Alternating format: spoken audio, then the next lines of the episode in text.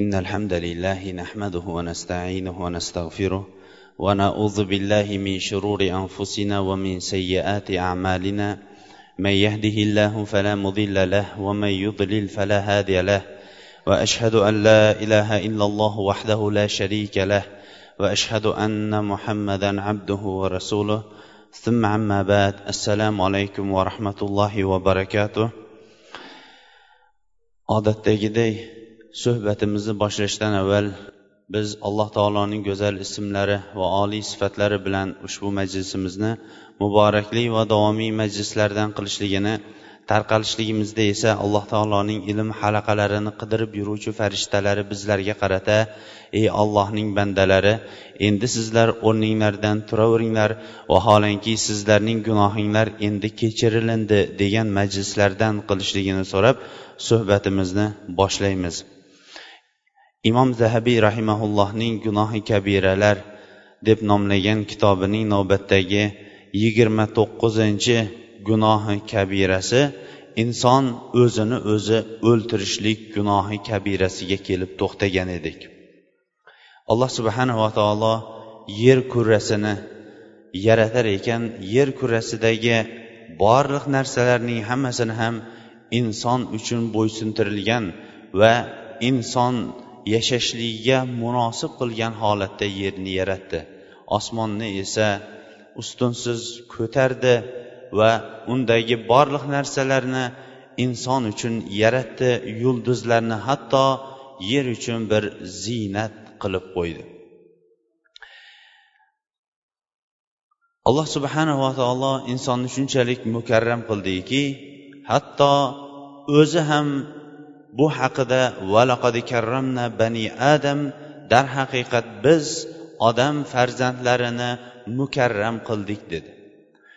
Odam farzandlarini mukarram qilib yer yuzasida yashaydigan barcha sharoitlarni ularga muhayyo qilib turib ana undan keyin ularga yashashlik hayot qisqa bo'lsada umrda yashashlik hayotni ularga erkin holatda qo'yib qo'ydi. Va bu hayot alloh taoloning bergan insonlar uchun berilingan ne'matlarning bittasi hisoblandi. Kim bu ne'matni buzadigan va bu hayotga tajovuz qiladigan bo'lsa albatta uning endi shunchalik berilingan ne'matlarga kofir bo'lishligi hisoblandida endi uning jazosini alloh taolo muqarrar qildi. Yashashlikka ruxsat bergan alloh subhanava taolo o'z taqdiridan taqdirida yozilingan ajalidan avval o'zini o'zi o'ltirishlik hukmini alloh taolo harom qildi. O'zini o'zi o'ltirishlik qur'oni karim payg'ambar alayhissalomning hadislari va butun ummatning ijmosi bilan ittifoq qilingan holatda inson o'zini o'zi o'ltirishlik harom qilindi. Alloh taolo qur'oni karimda auzu billahi minash shaytonir rojim ولا تقتلوا أنفسكم إن الله كان بكم رحيما o'zinglarni o'zinglar o'ltirmanglar vaholanki olloh sizlar uchun rahmli bo'lgan bir zotdir deydi ومن يفعل ذلك عدوانا وظلما فسوف نصليه نارا وكان ذلك على الله يسيرا endi kim o'zini o'zi o'ltiradigan bo'lsa uning jazosini ham bayon qilib turib kim endi mana shunday udvon va zulm bilan mana shunday o'z umriga o'z nafsiga o'zi tajovuz qiladigan bo'lsa uni tezda jahannamga tashlaymiz. Va bu olloh uchun yengil edi deydi. Darhaqiqat alloh taolo yaratgan va unga bergan bu umr hayotidagi shunchalik yengillikka u qaramasdan ollohning ne'matiga kofir bo'lib turib o'z nafsini o'zi o'ltirar ekan albatta alloh taolo uni bunday jazo bilan jazolashligi adolatdandir va uni shunchalik jazolashligi olloh uchun yengildir. Imom vahidiy rahimaulloh bu tafsirning oyatida aytgan ekanki alloh taolo o'zinglarni o'zinglar o'ltirmanglar degani ba'zinglar ba'zinglarni bir dinda bo'lib turib o'ltirmanglar degan va bu ibn kasir va boshqa sahoba va tobiinlarning gapi mana shunday bo'lgan desa boshqa mufassirlar yo'q bu inson insonni o'ltirishlikka emas inson o'zini o'zi o'ltirishlikka bo'lgan dalildir deb tafsir qilishgan ekan. Va bunga o'zini o'zi o'ltirishlikka dalil bo'ladi deganlarning dalili bu oyat dalil bo'ladi deganlarning dalili amr ibn as roziyallohu anhuning hadislari ekan. Rasululloh sollallohu alayhi vasallam zatu salasil g'azotiga amr ibn as roziyallohu anhu boshchiligida bir to'da askarlarni jangga yubordi. Amr ibn as roziyallohu anhu safar vaqtida ba'zi amallarni qildi.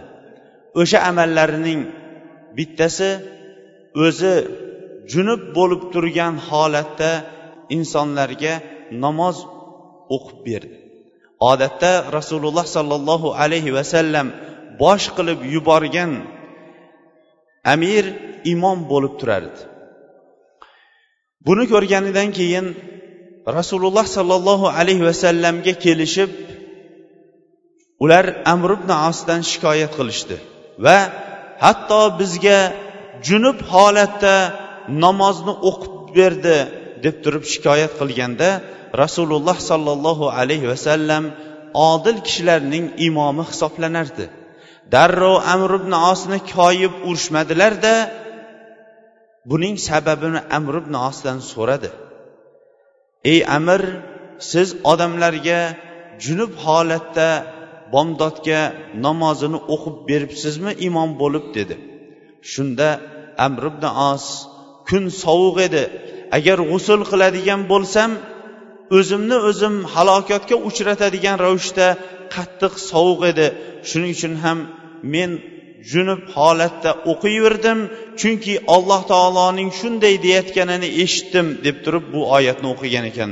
Vala taqtulu anfusakum innalloha kana bikum rahima.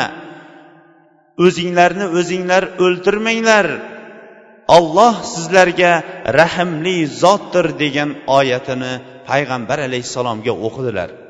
Rasululloh sollallohu alayhi vasallam bunga iqror bo'lib turib jilmayib qo'ydilar deydi. Mana shu bilan bu oyat o'zini o'zi o'ltirgan o'ltirishlik harom ekanligiga katta bir dalil bo'ladi dedi. Kim agar mana shunday qiladigan bo'lsa udvana va zulma adovat va zulm bilan uni jahannamga tashlaymiz va bu alloh taolo uchun yengildir deydi. Rasululloh sollallohu alayhi vasallamdan jundub ibn abdulloh rivoyat qilgan hadisda sizlardan avvalgi ummatlardan bir kishida jarohat bor edi deydi. U jarohatiga sabr qila olmadida hanjarini olib o'zini o'zi hanjari bilan o'ltirdi.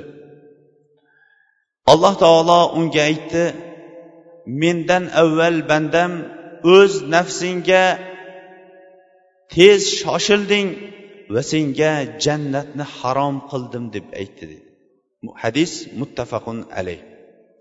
Abu hurayra roziyallohu anhudan rivoyat qilingan hadisda rasululloh sollallohu alayhi vasallam من قتل نفسه بحديدة فحديدته في يده يتوجع بها في بطنه في نار جهنم خالدا فيها أبدا الحديث rasululloh sollallohu alayhi vasallam aytdilarki kim o'z nafsini biron bir temir bilan o'ltiradigan bo'lsa o'sha temir uning qo'lida turgan holatda jahannamda abadiy abad qayta qayta o'zini o'zi o'ltirgan holatda azoblanaveradi.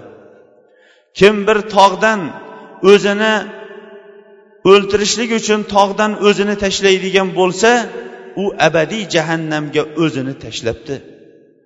Kim bir zahar bilan o'z nafsini o'zi o'ltiradigan bo'lsa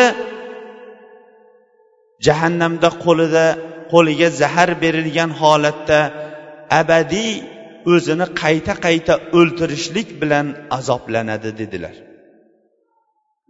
Mana bu ham o'zini o'zi o'ltirayotgan insonlar hayotda o'zi nima uchun inson o'zini o'zi o'ltiradi degan savol tug'iladi. Inson uchun hayotda eng shirin bo'lgan masalalarning bittasi unga berilingan umrdagi berilingan hayot ne'matidir.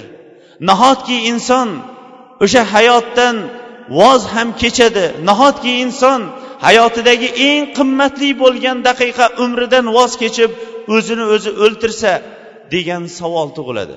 Ha darhaqiqat o'zini o'zi o'ltiradigan ham insonlar bo'lar ekan. Lekin sababchi? O'zini o'zi o'ltirganlarning sabablariga bir nazar tashlanadigan bo'lsa ularning ko'pchiliklari dunyoviy muammolardan qiynalingan ba'zi bir dunyoviy inqirozlarga uchraganligi yoyinki oilaviy kelishmovchiliklar oilaviy ziddiyatliklarga sabab bo'lar ekan. Ammo keyingi vaqtlarda insonlarning ko'pchiligi o'zlarini o'zlari osib qo'yishlik degan uslub bilan o'zlarini o'ltirishlik surati atroflarda ko'payib ketdi. Va xosatan atrof ba'zi bir qishloqlardagi qilingan shikoyatlarda ekspertizada ishlaydigan bir akamizning xabar berishligicha bundan ikki yil avval o'zini oz oz ko'paygan vaqtda qo'shni qishloqda bir kunda sakkiz kishi ekspertizaga tushganligini ham xabarini berdi. Bunchalik ravishda insonlarning o'zlarini o'zlari osishlik ko'payib ketganligining sababi tekshirilgan vaqtda ko'proq insonlar dinlaridan uzoq bo'lganligi uchun shayton va jinlar ularga sultonlik qilib turib ularning qalblariga vasvasa solib turib o'ltirishlikka harakat qilganligi va ularga o'limni chiroyli qilib ko'rsatib o'zilaridan beixtiyor ravishda ularning o'limiga sabab bo'lganligi hammamizga ham ma'lum bo'lib qoldi. Lekin qachon insonga jin va shaytonlar mana shunday vasvasa sola oladi? Qachon insonlar iymon taqvo solih amallar tomonidan agar zaif bo'ladigan bo'lsa? Imom ahmad rahimaulloh imom ahmad ahli sunnaning imomini kim tanimaydi deysiz? Imom ahmad rahimaulloh vafot etishidan avval og'ir bemor holda yotar edi. Bir hushiga kelib bir hushidan ketib turgan vaqtda yo'q yo'q dedilar. Keyin o'ziga kelganidan keyin imom ahmaddan so'rashdi nima uchun siz yo'q yo'q dedingiz deganda shayton menga keldida kufr kalimani aytishlikka targ'ib qildi men esa yo'q yo'q deb turib uning gapiga unamadim dedi darhaqiqat alloh subhanava taolo aytadiki auzu billahi minash shaytonir rojim يثبت الله الذين آمنوا منكم بالقول الثابت في الحياة الدنيا وفي الآخرة sizlardan iymon keltirgan va iymonlarida mustahkam bo'lgan kishilarni hayoti dunyoda sobit qadam qilib ularni hayoti dunyoda ham oxiratda ham ularni qo'llab quvvatlab turamiz deydi. Shuning uchun ham qachon inson iymon solih amallarda mustahkam va baquvvat bo'ladigan bo'lsa ularga hech qachon shayton va jinlar musallat bo'la olmas ekan. Bugungi kundagi o'zini o'zi osayotganlarning ko'pchilik foizi jin va shaytonlarning vasvasasi sababli ular o'zlarini o'zlari o'ltirishyapti. Rasululloh sollallohu alayhi vasallam muttafaqun alayh bo'lgan hadisda hadisni sabit bin zahak roziyallohu anhu rivoyat qilgan la'nul mu'mini qatlihi. Mo'min kishini la'natlashlik uni qatl qilishlik bilan barobardir dedilarda de, qatala nafsahu bi shay'in uziba bihi yawmal qiyama kim o'z nafsini biron bir narsa bilan o'ltiradigan bo'lsa qiyomat kunida o'sha narsa bilan azoblanadi dedi. Endi o'zini o'zi o'ltirayotgan dunyoviy muammolardan qutulishlik qarzlardan qutulishlik dunyoviy oldi berdidagi inqirozdan qutulib ketishlik oiladagi kelishmovchilikdan qutulib ketishlik uchun o'zini o'zi o'ltirayotgan insonlar bilsinlarki ular hayotdagi muammodan qutulganlari bilan oxiratda ularni katta undan ham katta tugamas bo'lgan muammo azobi ularni kutib turibdi. Shuning uchun ham shariatimiz rahmli shariat shuning uchun ham shari alloh subhanahu va taolo innalloha kana bikum rahima. O'zinglarni o'zinglar o'ltirmanglar olloh sizlarga rahmlidir deyapti. Ammo o'zini o'zi o'ltirganlar uchun mana bunday og'ir og'ir jahannam azobi bor ekanligini bayon qildi. Rasululloh sollallohu alayhi vasallam davridagi g'azotlarning bittasida bir kishi jangda nihoyatda qattiq turib kurashdi. Sahobalar vo bu odamning naqadar botir bo'lib kurashayotganini deganda rasululloh alayhissalom u jahannam ahlidandir dedi. Sahobalar hayron qoldi. O'zining joniyu moli bilan jangda kurashib turgan qo'rqmaslik qo'rqishlik nima ekanligini bilmasdan oldinga o'zini tashlab kurashib turgan bu odamni payg'ambar alayhissalom jahannam ahlidan deganidan hayron qolib buni eshitishligim bilan deydi shu majlisda o'tirgan sahobalar u kishining ortidan tushdim. Va ortidan tushib bordim. U kishi kurashib bordi to jarohatlangunicha. Qattiq jarohatlanganidan keyin jarohatiga sabr qila olmadida keyin o'zini o'zi o'ltirdi dedi. Rasululloh sollallohu alayhi vasallam haq gapirar edilar. Ibn usaymin rahimaulloh mana bu bobda aytadiki kim o'zini o'zi biron bir narsa bilan o'ltiradigan bo'lsa u qiyomatgacha shu bilan azoblanadi. Qiyomatda ham yana o'zini o'zi o'ltirgan o'sha asbob bilan yana azoblanishlikda davom etib ketaveradi. U uchun yengillik yo'qdir deydi. Ammo o'zini o'zi o'ltirganlar jahannamda abadiy qolishligini alloh taolo qur'oni karimda payg'ambar alayhissalom esa hadislarida bayon qildi. Bu nihoyatda o'zini o'zi o'ltirayotganlar uchun og'ir bir vaiddir. Va shuningdek shariatimizdan qo'yilgan og'ir vaidlarning bittasi o'zini o'zi o'ltirgan kishilar uchun imomlar janoza namozini o'qimaydi.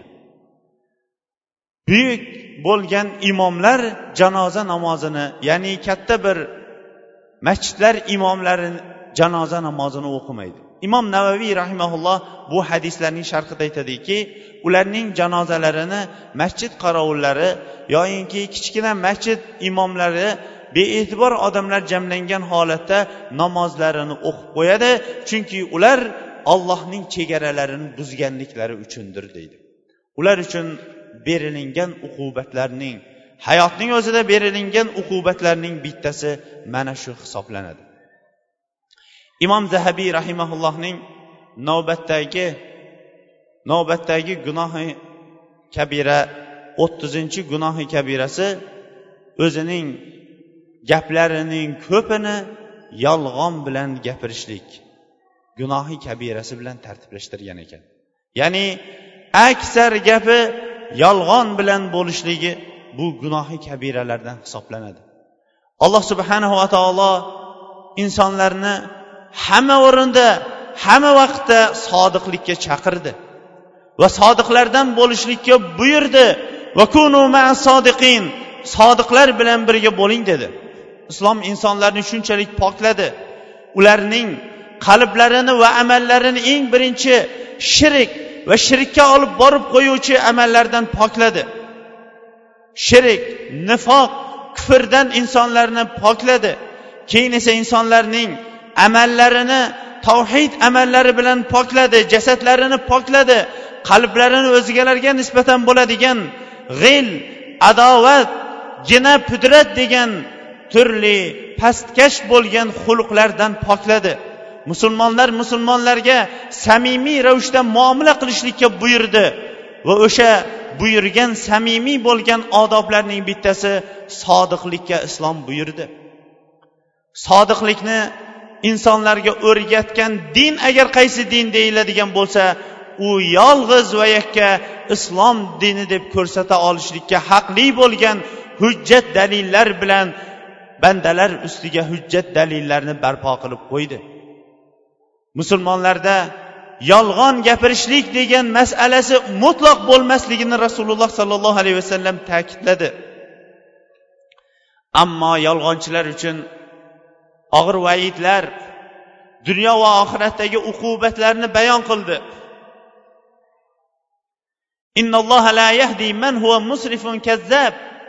Alloh taolo isrofli va kazzab gapining ko'pi yolg'on bo'ladigan insonlarni hidoyatlab qo'ymaydi dedi. Alloh subhanava taolo qur'oni karimning nihoyatda ko'p o'rinlarida insonlarni sodiqlikka buyurdi. Va sodiqlik bilan sadoqat bilan turishlikka buyurdi. Rasululloh sollallohu alayhi vasallamning umrlarining hammasi ham sodiqlik bilan bo'ldi. U kishida biron bir yolg'on degan gapning o'zi ham yolg'on degan amalning o'zi ham bo'lmadi. Yolg'on degan ishoraning ham o'zi bo'lmadi. Rasululloh alayhissalomning oldida bir kishi munofiqlar safidan bo'lib turib bir kishi gapirib turardi. Chiqib ketganidan keyin bu kishining yomonligi haqida gapirganda rasululloh alayhissalomga atrofidagilar aytdiki bir ko'zingiz bilan ishora qilib yuborganingizda edi biz uni tinchitardik dedi. Shunda rasululloh alayhissalom ollohning elchisi uchun xiyonat ko'zlari bo'lishligi mumkin emas dedi. Rasululloh sollallohu alayhi vasallam ashoblari bilan hazil mutoyiba qilardi. Hazil mutoyibalarining hammalari ham chin sodiqlik va rostlik bilan bo'lardi. Rasululloh alayhissalom sodiqlikda sodiqlarning ustozi edi. Uning atrofidagi birga yashab turgan va dinni olib kelganidan keyin payg'ambar bo'lganidan keyin adovat toshini otganlarning kattalari ham rasululloh sollallohu alayhi vasallamni yolg'onchilikda tuhmatlay olmadi. Abu sufyon rim imper imperatorining oldiga kirgan vaqtida abu sufyonga o'nta savol berdi. O'sha savollardan bittasi biron bir marta u kishini hayotida yolg'onchilik bilan biron bir marta ushlaganmisiz dedi. Ya'ni biron bir marta u kishining hayotida yolg'on gapirganligini payqaganmisizlar deganda yo'q deb javob berdi. Hatto yolg'on gapirishlik imkon bo'lgan ollohning dushmani bo'lib turgan vaqtida ollohning dushmaniga guvohlik berayotgan vaqtida alloh taolo rostgo'y bo'lgan payg'ambar alayhissalomni ularning tuhmatlaridan asradi.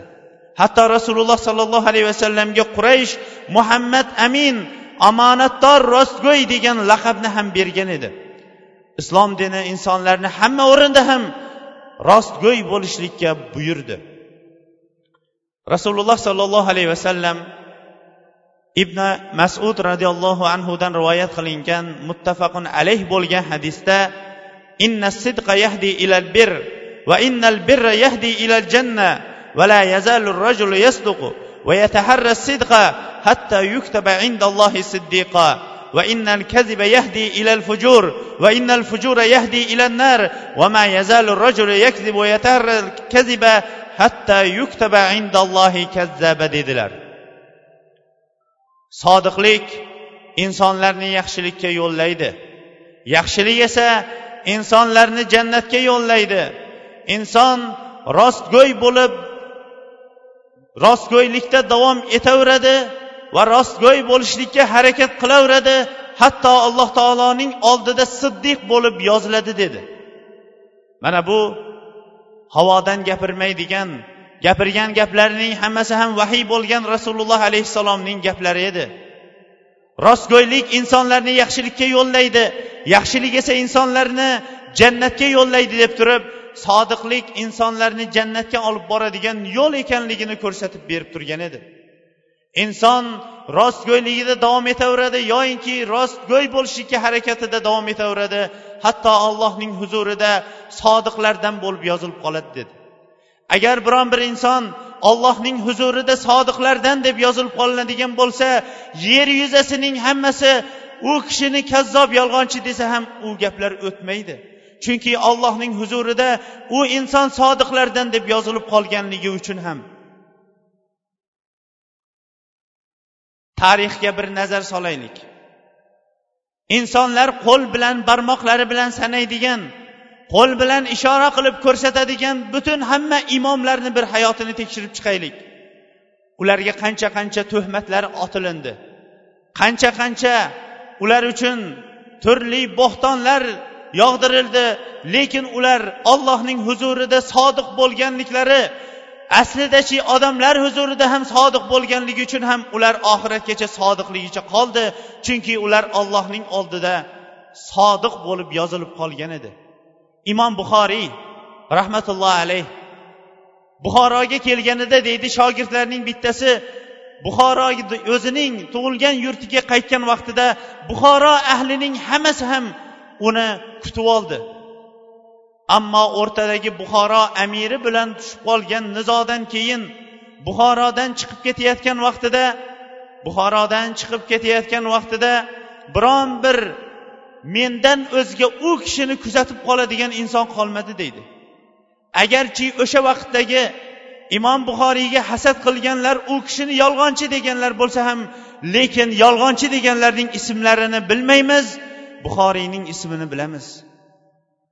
Imom abu hanifa rahimaulloh hanafiy mazhabining imomi va sultoni imom azam rahmatullohi alayhni davlat qozisi bo'lishlikka xalifa taklif qildi. Bu degani государственный sud degani desak ko'pchilik rus tilida buni tushunadi. Imom abu hanifa rahimaulloh o'zlarining taqvolari bilan aytdilarki men davlat qozisi bo'lishlikka yaramayman dedi. Deganda halifa aytdiki yolg'on gapiryapsan sendan ortiq yaraydigani yo'q dedi. Imom abu hanifani yolg'onchi dedi. Imom abu abu hanifa rahimaulloh ham nihoyatda aqlli va bilimli kishi edi. Halifaning gaplaridan ushladi. Hazrat dedi o'zingiz aytyapsiz yolg'onchi deb. Yolg'onchilar qozilikka yaramaydi dedi. Va bu bilan darra yedi.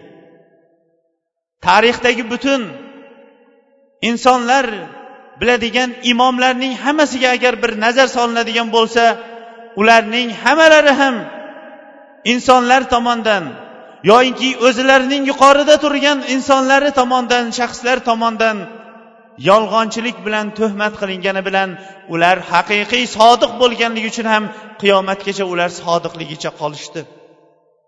Hadisning davomida rasululloh sollallohu alayhi vasallam yolg'onchilik bo'lsa insonlarni gunohlarga yetaklaydi dedi. Darhaqiqat yolg'on insonlarni gunohga yetaklaydi. Eng bunga katta dalil yolg'on gapirgan inson o'zining yolg'onini yashirishlik uchun yana bir yolg'on tug'diradi. Yolg'onini yashirishlik uchun yana bir yolg'on gapirishlikka o'zi muhtoj bo'ladi.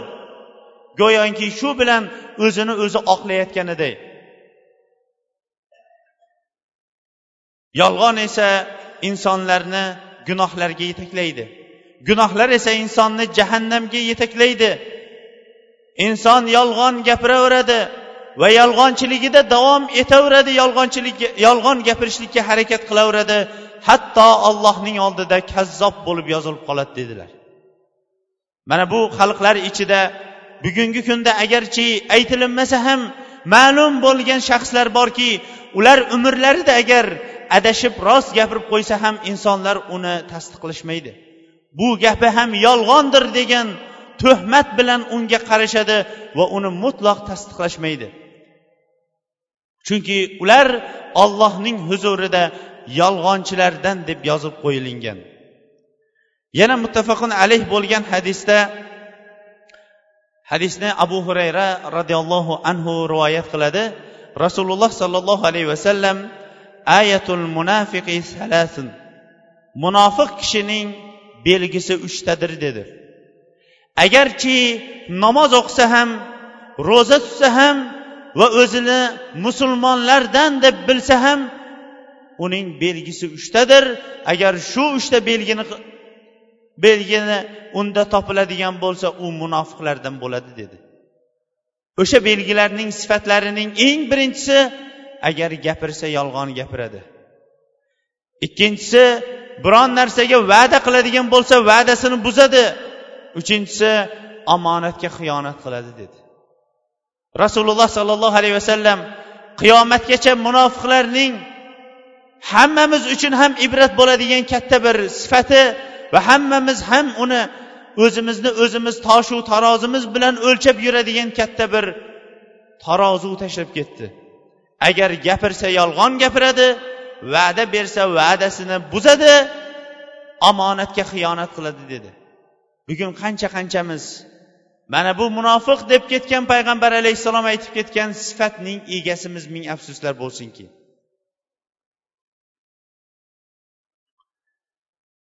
Boshqa hadisda hadisni roviysi ibn masud roziyallohu anhu hadis esa muttafaqun alayh bo'lgan hadisda rasululloh sollallohu alayhi vasallam arbaun man kunna fihi kana munafiqan xolisa va man kana fihi xislatun minha kana fihi xislatun minan nifaqi hatta yada'aha dedilar.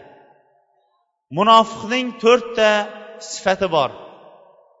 Kim mana shu to'rtta sifatga ega bo'lsa xolis toza munofiq bo'libdi. Ammo kimda shu sifatlarning birontasi topilsa munofiqlikning birontasi topilgan hisoblanadi dedi. Va shu xislatda davom etaveradi hatto o'sha xislatini tashlamagunicha munofiqligidagi shu xislatida davom etaveradi hatto shu xislatini tashlamagunicha dedi. O'shalarning birinchisi agar unga omonat qo'yiladigan bo'lsa omonatiga xiyonat qiladi. Agar biron bir narsaga kelishgan bo'lsa ahdu paymon qilgan bo'lsa ahdu paymoniga xiyonat qiladi. Agar biron bir kishi bilan urushib qoladigan bo'lsa gunoh qilib qo'yadi. Gapiradigan bo'lsa yolg'on gapiradi dedi. To'rtinchi munofiqning to'rtinchi sifatini gapirsa yolg'on gapiradi deb sifatlaridan to'rtinchisini bayon qilib berdi.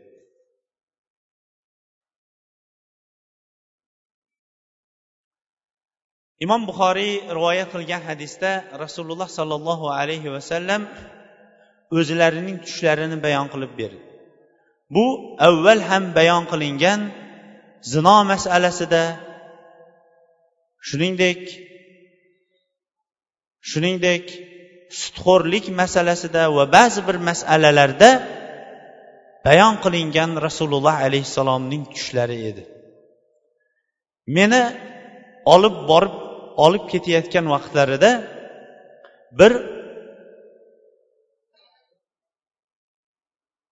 yotgan odamning oldidan o'tdik.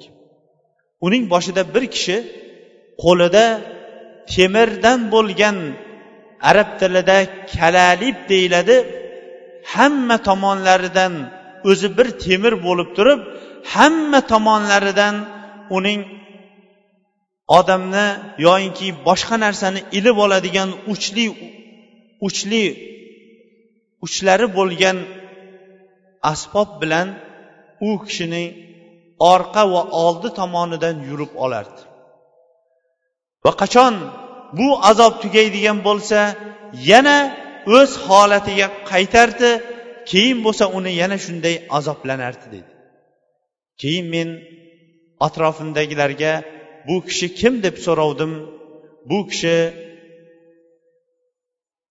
tong otganda shunday bir yolg'on gaplarni gapiradi.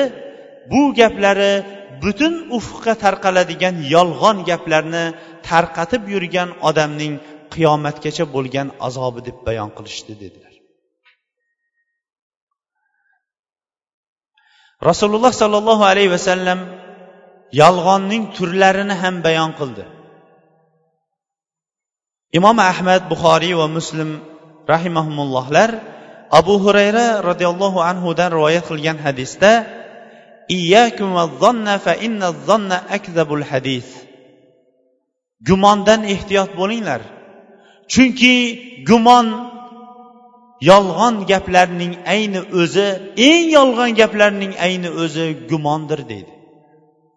Alloh subhanahu va taolo esa inna zonni ism ba'zi bir gumonlar gunohdir degan. Gumon hali aniq emas. Shu gapni falonchi aytganini hali eshitmagansiz. Mish mish yoyinki falon ishni shu qilganligi haqida gumon bor lekin aniq emas. Mana bularning hammasini agar shunga amal qilinadigan bo'lsa bular rasululloh alayhissalom aytgandaqa gaplarning eng yolg'oni gumondir dedilar.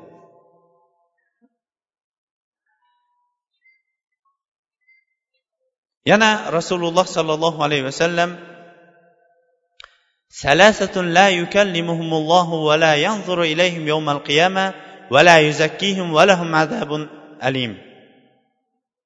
Hadisni imom buxoriy muslim va abu dovudlar rivoyat qilgan.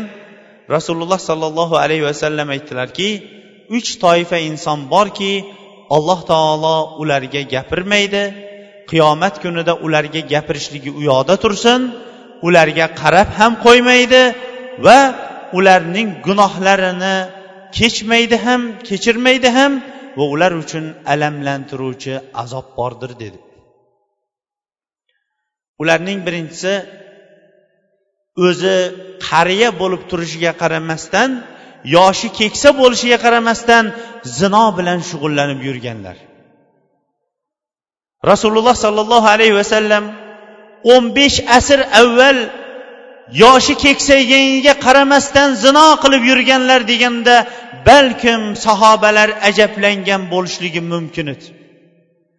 Ming afsuslar bo'lsinki bugungi kunda bugungi kunda yoshlardan ko'ra yoshlari keksaygan holatda zino amali bilan shug'ullanayotganlar yoshlardan ko'ra soni kam emas ekan. Buni eshitganimizda biz hayratda qoldik. Bir tomondan hayratda qoladigan bo'lsak ikkinchi tomondan payg'ambar alayhissalomning haq payg'ambar ekanligiga yana bir iymon keltirdi. O'zi yoshi keksaygan kuch quvvat degan masalaning o'zi ketganu jinsiy shahvatning o'zi ham so'ngan vaqtda bu insonlarni tasbihu tahlil bilan masjidda topadigan vaqtlaringizda fohishaxonalarda topib qolishligingiz insonlarni nihoyatda bir ajablantiradi.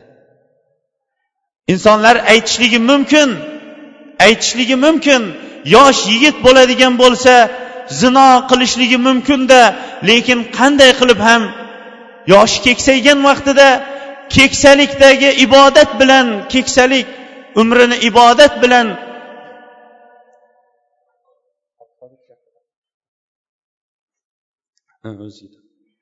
shu yoqda keksalikda ibodat bilan o'tkazishning o'rniga zino amali bilan o'tkazishlikning o'zi katta bir gunoh hisoblanadi shuning uchun ham alloh taolo ularga yuqoridagi azobni va'da qildi. Keyin esa yolg'onchi bo'lgan boshliq va o'zi o'zi kambag'al bo'lsa ham kibr qilib yuruvchi mutakabbir dedi. Kibr qilishlikka arzigulik aslidachi arzigulik moli bo'lsa ham kibr qilishlikning o'zi harom. Lekin shunga qaramasdan o'zi kibr qilishlikka loyiq bo'lmaydigan ravishdagi kambag'al bo'lsa ham lekin kibr qiladigan odam ham o'sha alloh taolo qiyomat kunida ularga qaramaydigan gapirmaydigan gunohlarini ham kechmaydigan va ular uchun alamlantiruvchi azob bo'ladigan alamlantiruvchi azob bo'ladigan uchta shaxsning bittasi hisoblanar ekan. Mana shu o'rinda suhbatimizni biz yakunlaymizda hammamiz uchun ham ustoz bo'lgan astana shahridagi shubar masjididan bizga mehmon bo'lib kelgan shayx ibrohim akamiz bizda hozir ustoz o'zimiz shayx ibrohim bizda. Va alaykum assalom va rahmatullohi va barakatuh.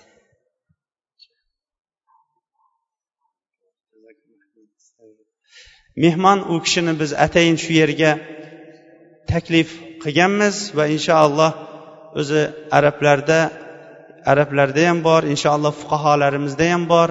Agar suv keladigan bo'lsa tayammum yaramaydi deydi va inshaalloh ustozimizdan bu yog'iga to jumamizni oxirigacha e, foydalanamiz degan e, umiddamiz. Qishlog'imizga xush kelibsiz va inshaalloh suhbatlaringiz bilan majlisimiz ham biz ham muborakli bo'lamiz degan umiddamiz. Marhamat.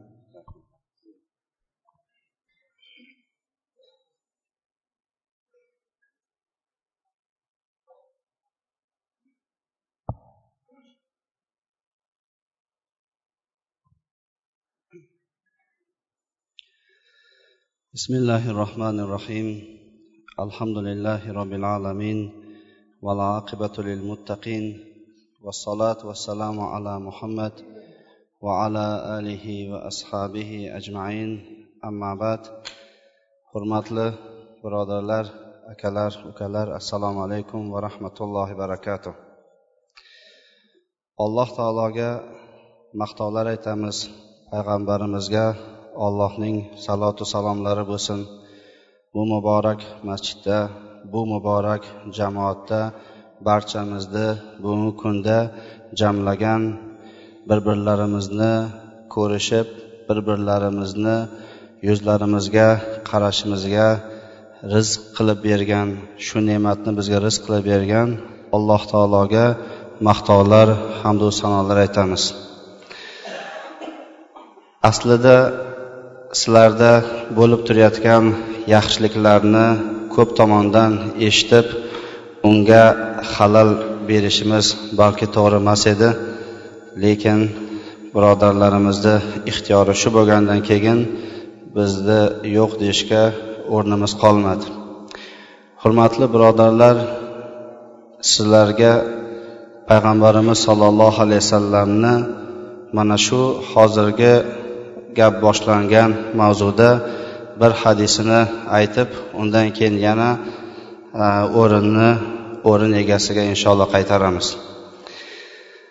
Payg'ambarimiz sollallohu alayhi vasallam bizga eng kerak bo'lgan eng muhim bo'lgan nasihatlarni aytib ketganlar. Bizga nima yaxshilik bo'lsa uni u kishi bayon qilganlar. Nima yomonlik bo'lsa u yomonlikdan payg'ambarimiz qaytarganlar. Mana shu payg'ambarimiz sollallohu alayhi vasallam bizga qilgan nasihatlardan biri bo'lgan islom qoidalari unga asos bo'lgan mashhur hadisdan biri. Balki bu hadisni sizlar bir necha marta bu yerlarda eshitgandirsizlar.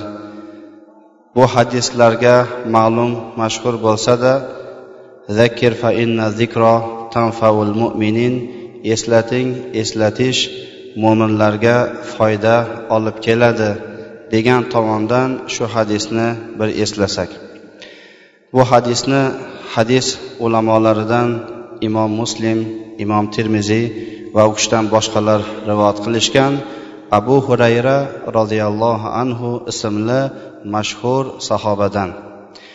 Payg'ambarimiz sollallohu alayhi vasallam aytadilar man naffasa an mu'minin kurbatan min kurabi dunya naffasallohu anhu kurbatan min kurabi yawmil qiyama kimda kim bir musulmon odamni boshiga yetgan musibatni uni boshidan ketkizsa alloh taolo shu odamni qiyomat kunining musibatlaridan birini uning boshidan ketkazadi.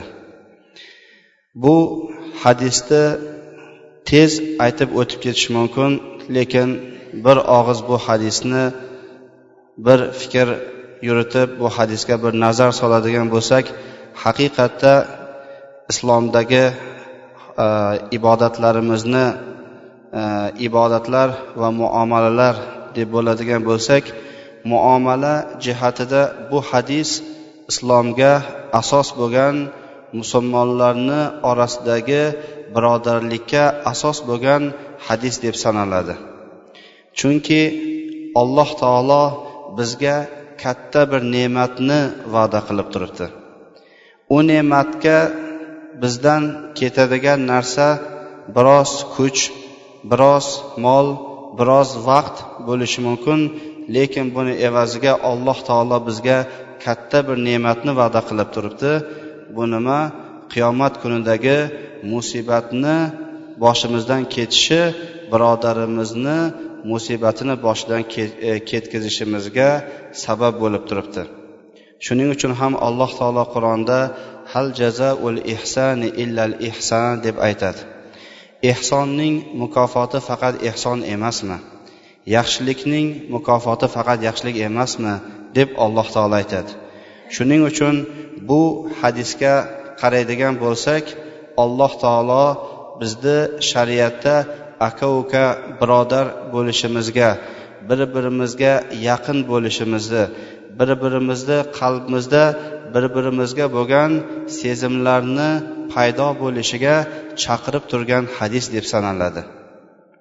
Alloh taolo iymon keltirgan odamlarni mana shunday o'zini rahmati bilan jamlagan.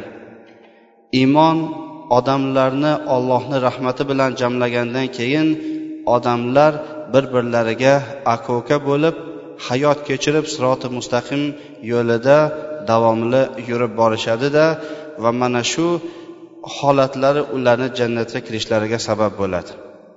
Chunki imom buxoriy rivoyat qilgan hadisda payg'ambarimiz aytadilar ayyuma muslimin yashhadu lahu arbaatun adxalahullohul janna. Qaysi bir musulmonga to'rtta musulmon yaxshilik guvohini bersa alloh taolo uni jannatga kirgizadi. Mana shu yaxshilik guvohni biz qachon olamiz? Bir odamni musibatini ketkazish uchun qo'limizni cho'zgan vaqtimizda alloh taolo huzuriga borganimizda qiyomat kuni bizni masalamiz ko'tarilishi uchun bizni turg'izilgan paytda biz yordam bergan odamlar hamma tomondan turib bizga bo'lgan guvohliklarini aytishadi. Shuning uchun ham alloh taolo o'sha kundagi musibatni birodarlarimiz sababli ko'taradi.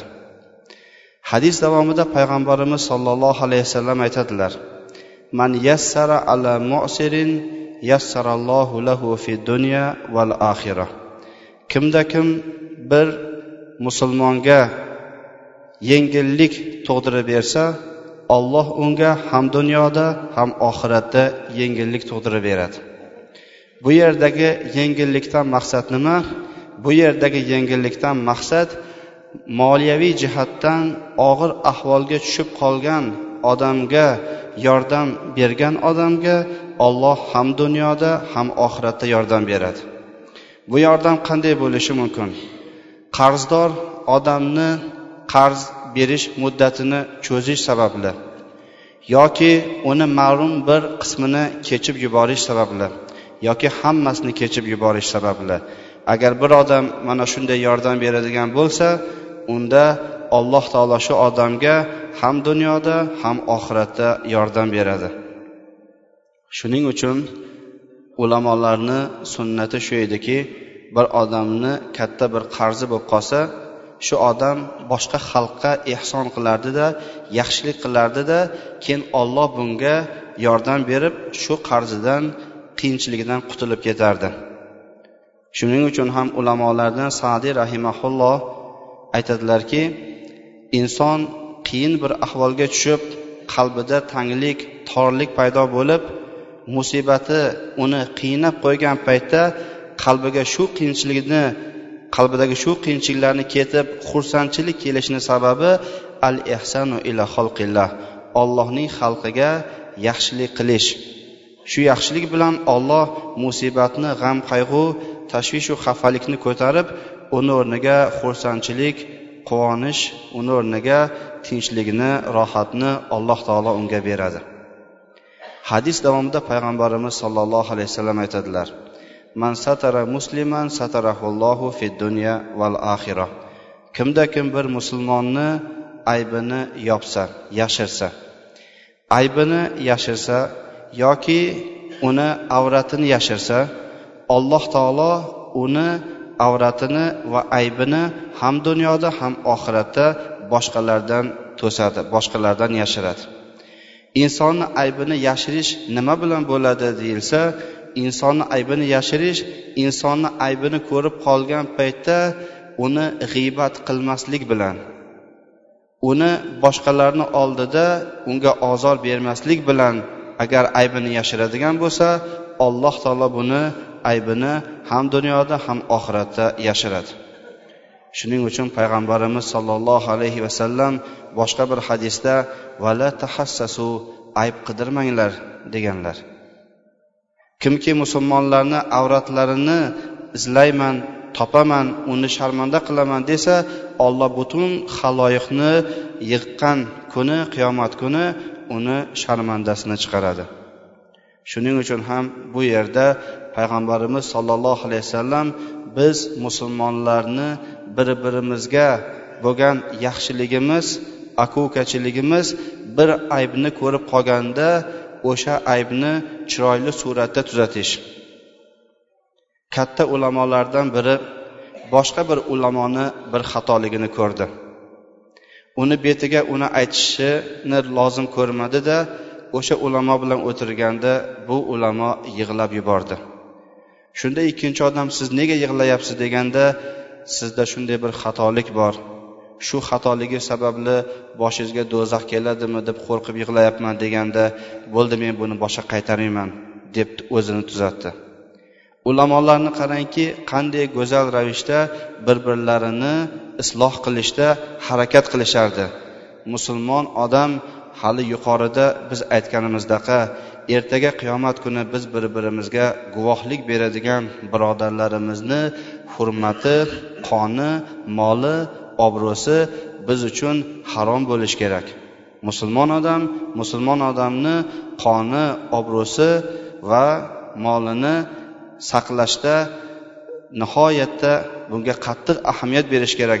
Payg'ambarimiz shunaqa ahamiyatli qilib bu hadisni aytganlar. Endi bu hadisdan imom navaviy rahimaulloh aytadilar bir odamni qaraymiz uni boshqalarga ozor berish kamchiligi bor. Yerda fasod tarqatish kamchiligi bor. Shu odamni ham kamchiliklarini yashirish kerakmi yoki uni ko'tarib uni isloh qilish kerakmi deyilsa bu odamni kamchiligini ko'tarib uni isloh qilish lozim bo'ladi. Bu yerda aybni yashirish degan so'zdan maqsad odatda inson yaxshi odam. Undan yomonlik sodir bo'lmaydi u ozor bermaydi yerda fasod tarqatmaydi lekin ma'lum bir kamchiliklari undan zohir bo'lib qoladi. Shu kamchiliklarni yashirish lozim bo'ladi. Shu kamchilikni yashirgan odamni alloh taolo kamchiligini ham dunyoda ham oxiratda yashiradi. Payg'ambarimiz sollallohu alayhi vasallam hadis davomida aytadilar vallohu fi avnil abdi ma kanal abdu fi avni axih alloh taolo bir bandasiga yordam berishini to'xtatmaydi agar bu bandasi o'zini birodariga yordam berishni to'xtatmasa. Modomiki biz birodarlarimizga yordam berib turar ekanmiz alloh taolo bizga yordam berib turadi. Demak bu hadisga qaraganda insonni qalbida birodarlar baxillik degan sifat bo'lmaslik kerak. Musulmon odam qo'ldan kelguncha saxovatli odam bo'lishi kerak karami keng odam bo'lishi kerak. Shunda alloh taoloni unga rahmati nusrati yordami bo'ladi. Agar musulmon odam o'zi ziqna baxil bo'ladigan bo'lsa u ollohni rahmatidan ham mahrum bo'lib qoladi. Shuning uchun ham sahobiylar bir biriga mana shunaqa saxovatli odam edi. Payg'ambarimiz sollallohu alayhi vasallam haqlarida ibn abbos buxoriy rivoyatlarida aytadilarki kan rasululloh sollallohu alayhi vasallam ajvadannas payg'ambarimiz sollallohu alayhi vasallam odamlarning eng saxovatlisi bo'lgan edilar deb keltirishadi.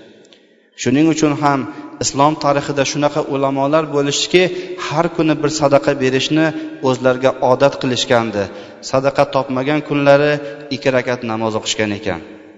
Hadis rivoyat qilgan ulamolarni orasida shunday ulamolar bo'lishdiki hayotlarida ikki marta o'zini og'irligini o'lchab shu og'irlikda kumushdan sadaqa bergan ekan. Bular haqida keyin gap tarqaldiki bu ikki marta o'zini ollohdan sotib oldi deb. Shuning uchun ham agar musulmon odam musulmon odamga yordam beradigan bo'lsa albatta olloh unga yordam beradi. Biz musulmonlar bir birimizni aka uka ekanligimizni bir birimizni qalbimizda bir birimizga sezim bor ekanligi mana shundan bilinadi. Har bir odam kelib sizga men sizni olloh uchun yaxshi ko'raman deb aytmaydi lekin uni haddu harakatidan siz buni sezib turasiz. Shunda bu guvohliklar qiyomat kuni olloh huzuriga yetib boradi. Shunaqa ekan qanday bir odam musulmon odamni aldash yoki uni yomon ko'rish unga hasad qilish unga bir yomonlikni qalbida saqlash yoki uni g'iybat qilish bilan qanday endi bundan keyin ovora bo'ladi? Shuning uchun ham ulamolardan biri agar men g'iybat qilmoqchi bo'lsam onamni g'iybat qilgan bo'lardim. Chunki savob ketadi g'iybat qilganim uchun yoki gunoh keladi. Savobim ketsa begonaga emas onamga bora qolsin. Gunoh keladigan bo'lsa begonani gunohi emas onamniki kela qolsin. Lekin onasini g'iybat qiladigan aqlli odam bormi dunyoda? shuning uchun ham payg'ambarimiz sollallohu alayhi vasallam bu hadisda biz musulmonlarni bir birimiz bilan qanaqa aloqada bo'lishimizga bo'lishimizga bizga nasihat qilib turibdilar undan keyin payg'ambarimiz sollallohu alayhi vasallam hadis davomida aytadilar من سلك طريقا يلتمس فيه علما سهل الله له به طريقا إلى الجنة kimda kim olloh yo'lida ilm olish uchun olloh yo'lida ilm olish uchun yo'lga chiqqan bo'lsa alloh taolo unga jannatga olib boradigan yo'lni unga yengillashtirib qo'yadi. Mana shu yerda juma namozi keladigan odamlarni niyatlariga qaraydigan bo'lsak ikkita odam keladi. Bir odamni orqasida turib namoz o'qiydi bir masjidda turadi lekin ularni orasi yeru osmoncha farqi bo'ladi.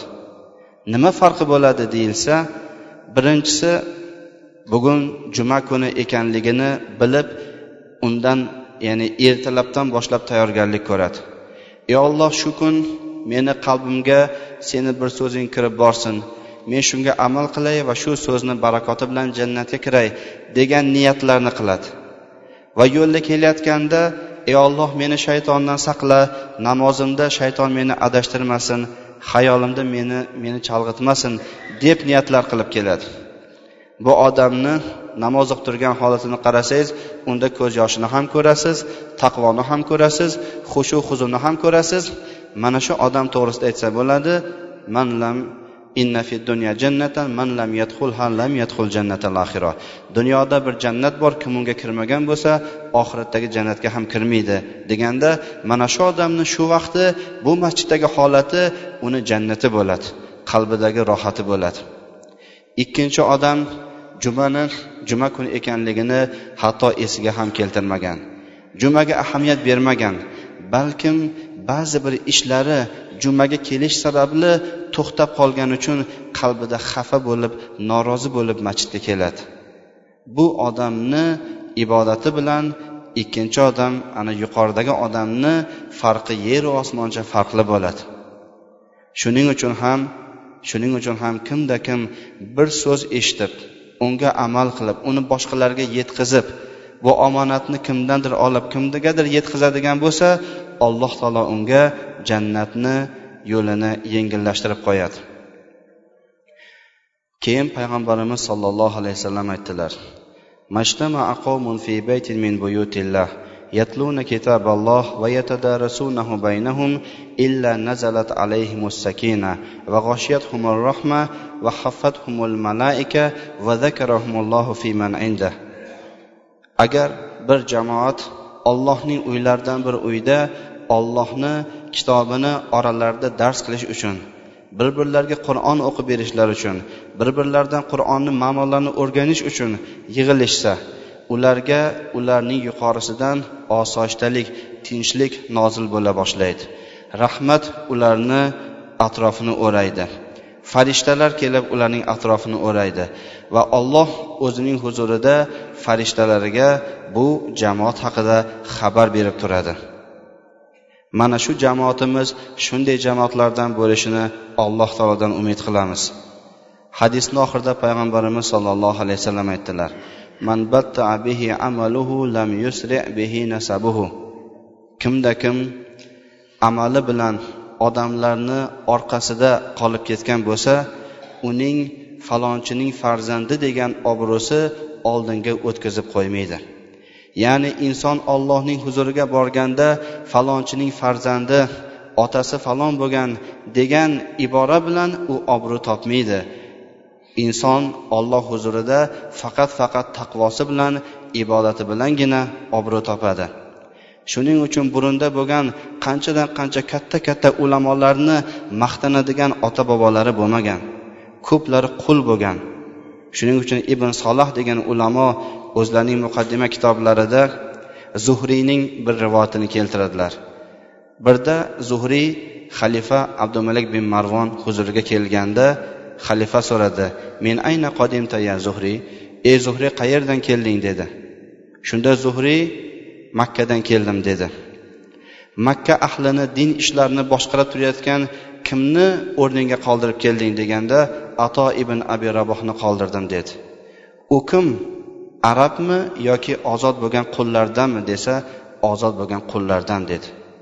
Shunda xalifa taajjublanib qulni makkada boshliq qilib keldingmi u qanday boshqaradi deganda biddiyanati va rivoya uni dini bor ilmi bor rivoyati bor hadisi bor shu bilan boshqaradi deganda xalifa ha haqiqatda boshqaradigan odam shunday bo'lishi kerak dedi.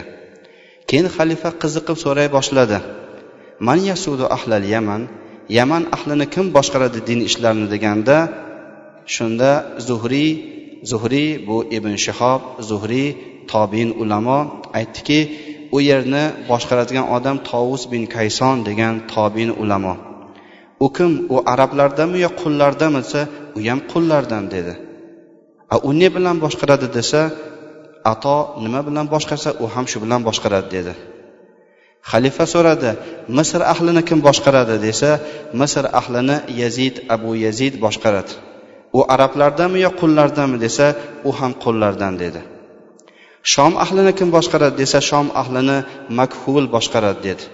Makhul ham tafsir hadis ulamolari tobinlardan u arabmi yoki qulmi? desa u ham qul dedi.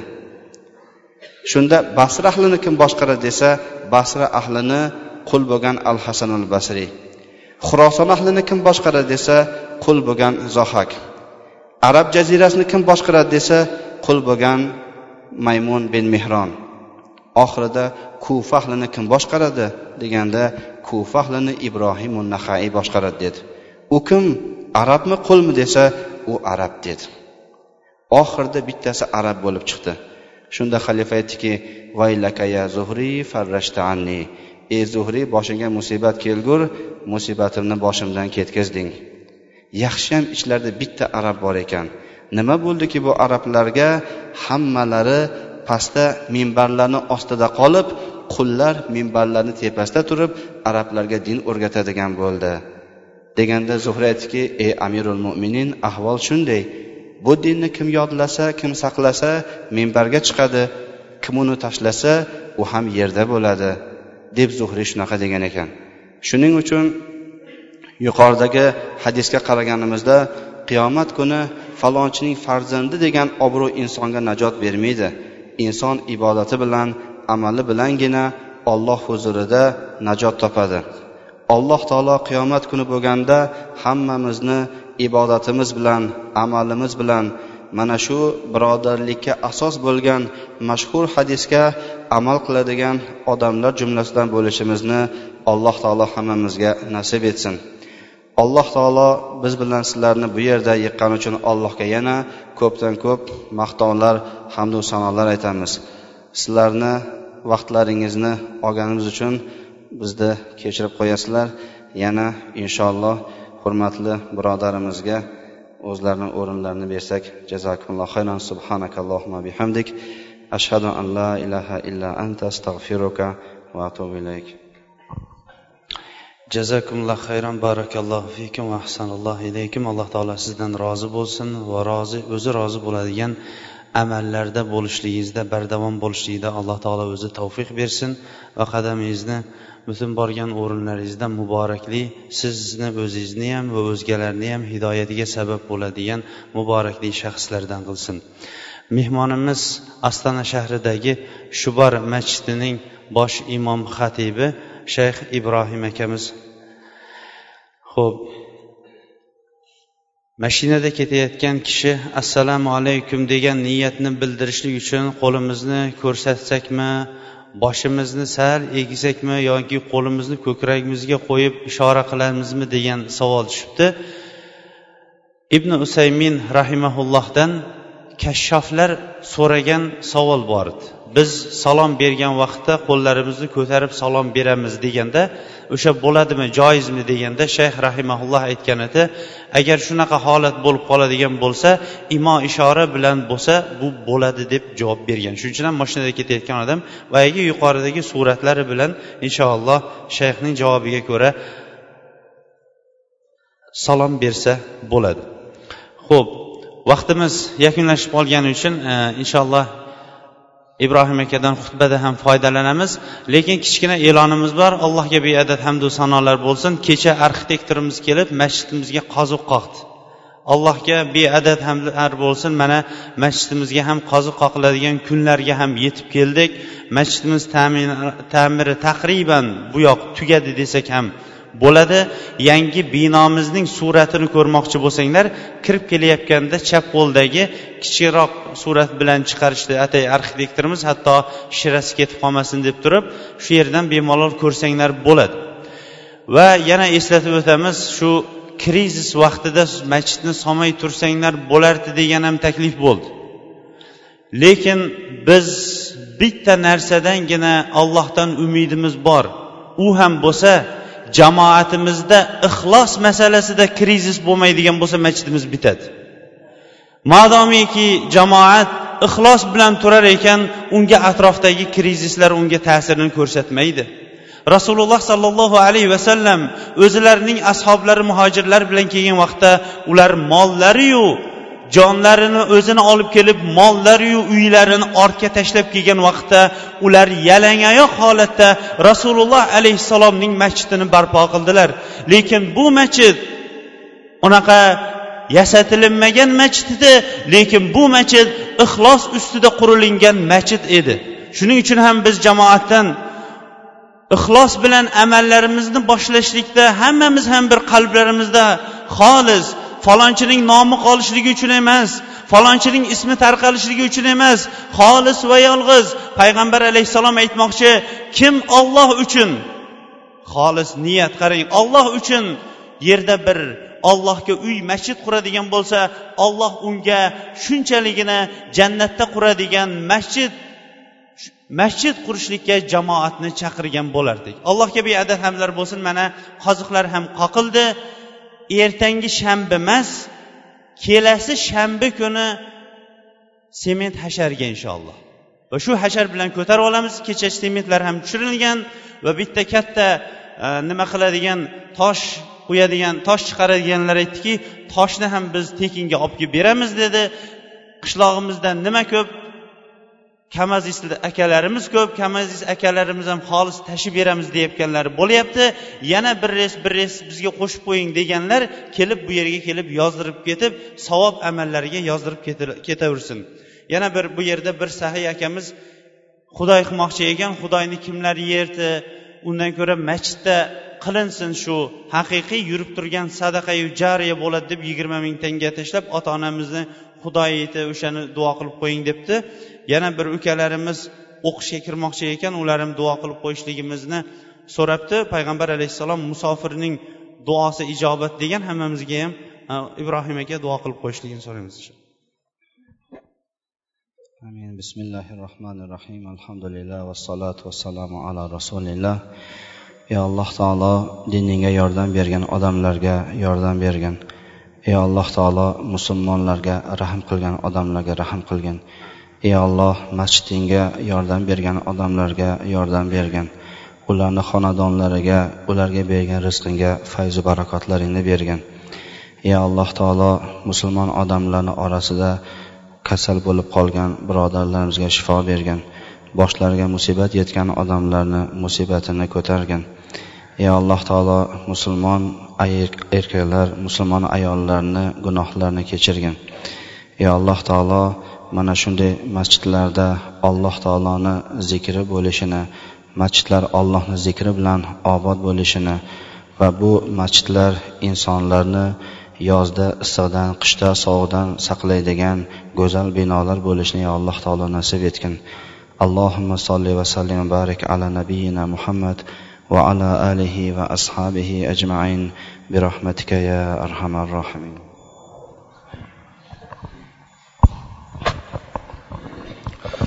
الله أكبر الله أكبر.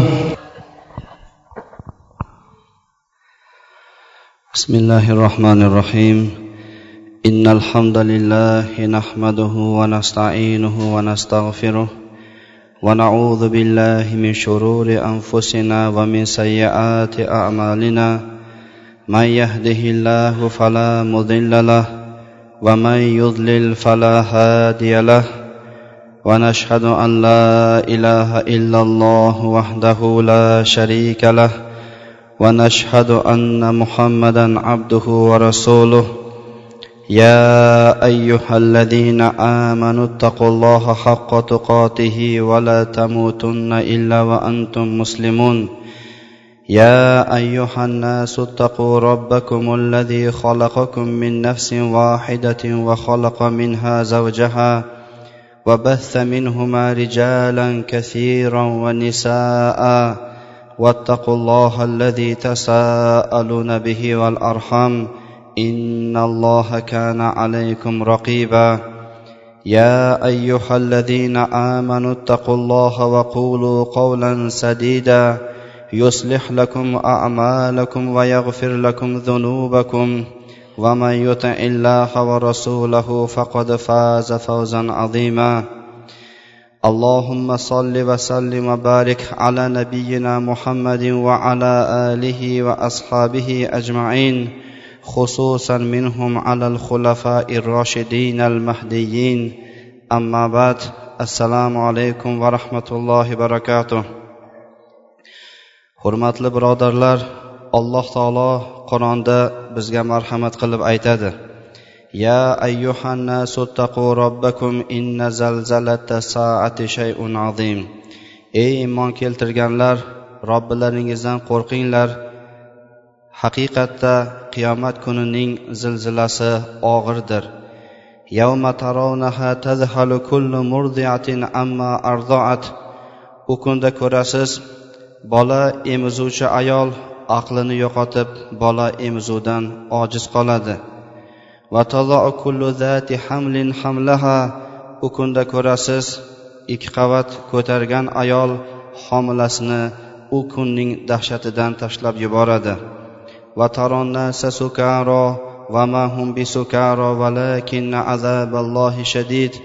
U kunda odamlarni mast holda ko'rasiz ammo odamlar mast emas ollohning azobi qattiqdir deb alloh taolo bizga qiyomat kunini nima ekanligini eslatadi. Yavman yaj'alul vildana shiba u kun yosh bolani sochiu soqolini oqartirib yuboradigan kun. U kunni shiddatidan yavma yafirrul mar'u min ahi va ummihi va abih va sohibatihi va banih u kunni shiddatidan odamlar o'zining aka ukasi onasiyu otasi xotiniyu farzandlaridan qochadi. Ya'ni shular sababli do'zaxga olloh meni qulatmasin deb qochadi. Aynal mafar biroq qayerga qochadi? Shuning uchun ham musulmon odam alloh taoloni eslab yurishi ollohning kuni qiyomat kunini eslab yurishi qiyomat kunidagi najotini eslab yurishi va qiyomat kuni olloh huzuriga borganda u kunning dahshatidan insonlarni qutqaradigan amal nima ekanligini izlab yurish kerak. Sizlarni jamoatlaringizda masjidlaringizda mana shunga taalluqli bo'lgan katta amaldan biri payg'ambarimiz sollallohu alayhi vasallam aytganlar sabatun yuzilluhumullohu fi zillihi yawma la zilla illa zilluhu. Yetti toifa odam bor qiyomat kunida u kunning dahshatida qattiq jazirama bo'lib olloh odamlarni ustiga kunni olib kelib qo'yganda u kunda ollohning soyasidan boshqa biron bir soya yo'q bo'lgan kunda yetti toifa odamni alloh taolo o'zining soyasiga oladi. Va mana shu yetti toifa odamdan biri rojulun qalbuhu muallaqun bil masajid. Yuragi masjidlar bilan qalbi masjidlar bilan bog'langan odam. Musulmonlarni orasida shunday odamlar bo'ladi ollohning uyini obod bo'lishi masjidlar bilan qalbi bog'langan bo'ladi. Masjidning obodligi uning xonadonining obodligi qalbining obodligi deb biladi. Masjiddagi insonni xafa qiladigan ko'rinishlar bu meni xafa qiladigan ko'rinish deb unga xafa ko'zi bilan g'amxo'r bo'lib qaraydi. Shuning uchun ham bu masjidni rivojlanishiga bu masjid musulmonlarga go'zal bir ibodat maskani bo'lish uchun harakat qilgan har bitta musulmonni qiyomat kuni alloh taolo o'zining soyasi bilan soyalantirsin deb allohdan duo tilaklarimizni aytamiz. Hurmatli birodarlar mana sizlarni masjidlaringizda o'ziga yarasha rivojlanish bo'lib turgan bo'lsa sizlar balki ko'rgandirsizlar o'tgan dushanba kuni ostona shahrida manas ko'chasi bilan o'n ikkinchi magistral burilishida shaharning chiroyli markazlaridan birida besh yarim gektar yerni olib prezidentimizni o'zi eng birinchi masjidga e, toshini qo'ydi. Shu yerda besh mingta namozxon uchun masjid solinadi. Va u yerda prezident nihoyatda go'zal so'zlarni aytdi. U kishini so'zlarini orasida shunday so'zlar bor ediki bir odam ostonaga samolyot bilan qo'nib shaharga kirayotganida eng birinchi uni oppoq katta nur ostona masjidi qarshi oladi. Shunda kirib kelayotgan mehmon qayerga kirib kelayotganligini bu yerda musulmonlar bor ekanligini eslab kirib keladi. Endi biz yesil daryosini bu tomonida o'ng qirg'og'ida yana besh mingta musulmon birodarlarimiz namoz o'qiydigan masjid ochsak deb niyat qilgan edik. Bu masjid insonlarni birlikka iymonga islomga chaqiradigan masjid bo'lsin deb u kishi birinchi toshini qo'ygan bo'ldi.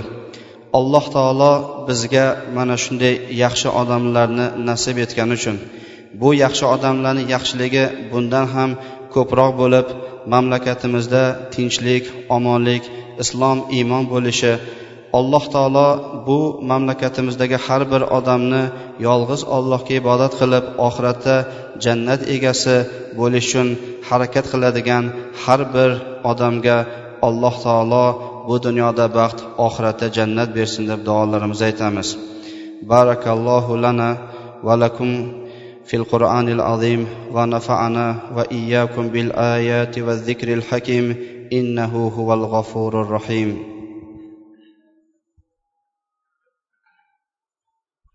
الحمد لله الحمد لله الذي خلق السماوات والأرض وجعل الظلمات والنور الحمد لله الذي هدانا لهذا وما كنا لنهتدي لولا أن هدانا الله. الحمد لله الذي صدقنا وعده وأورثنا الأرض نتبوأ من الجنة حيث نشاء فنعم أجر العاملين. وترى الملائكة حافين من حول العرش يسبحون بحمد ربهم.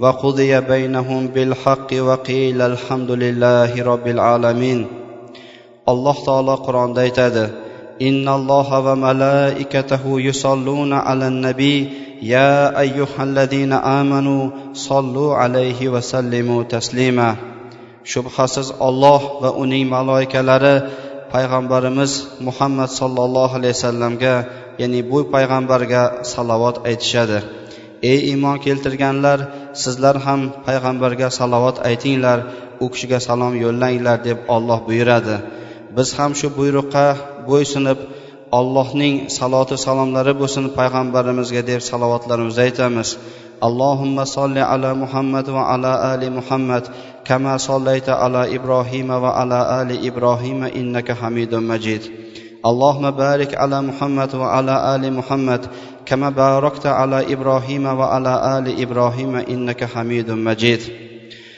undan keyin birodarlar yuqorida biz musulmonlarni birligi do'stligi haqida gapimiz yurdi bizni mamlakatimizda musulmonlar diniy idorasidan biz musulmonlarga qo'yiladigan talab masjidlarda hanafiy mazhab bo'yicha ibodat qilish bu hanafiy mazhab bo'yicha ibodat qilish aslida olib qaraganimizda har bir musulmon uchun har birimiz uchun bir birimizga yaqin bo'lishimiz uchun bir birimizni oralarimizda ixtilof munozara bo'lmasligi uchun sabab bo'ladigan yo'llardan biri bo'lgani uchun ham katta katta ulamolar shunga amal qilib kelishgan.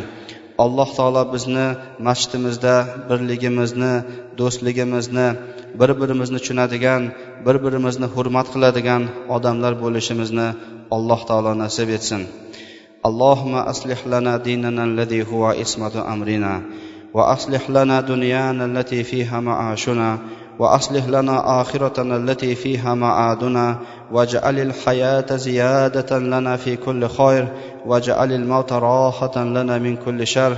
اللهم صل وسلم وبارك على نبينا محمد وعلى آله وأصحابه أجمعين. وآخر دعوانا أن الحمد لله رب العالمين. اللهم اغفر للمؤمنين والمؤمنات برحمتك يا أرحم الراحمين.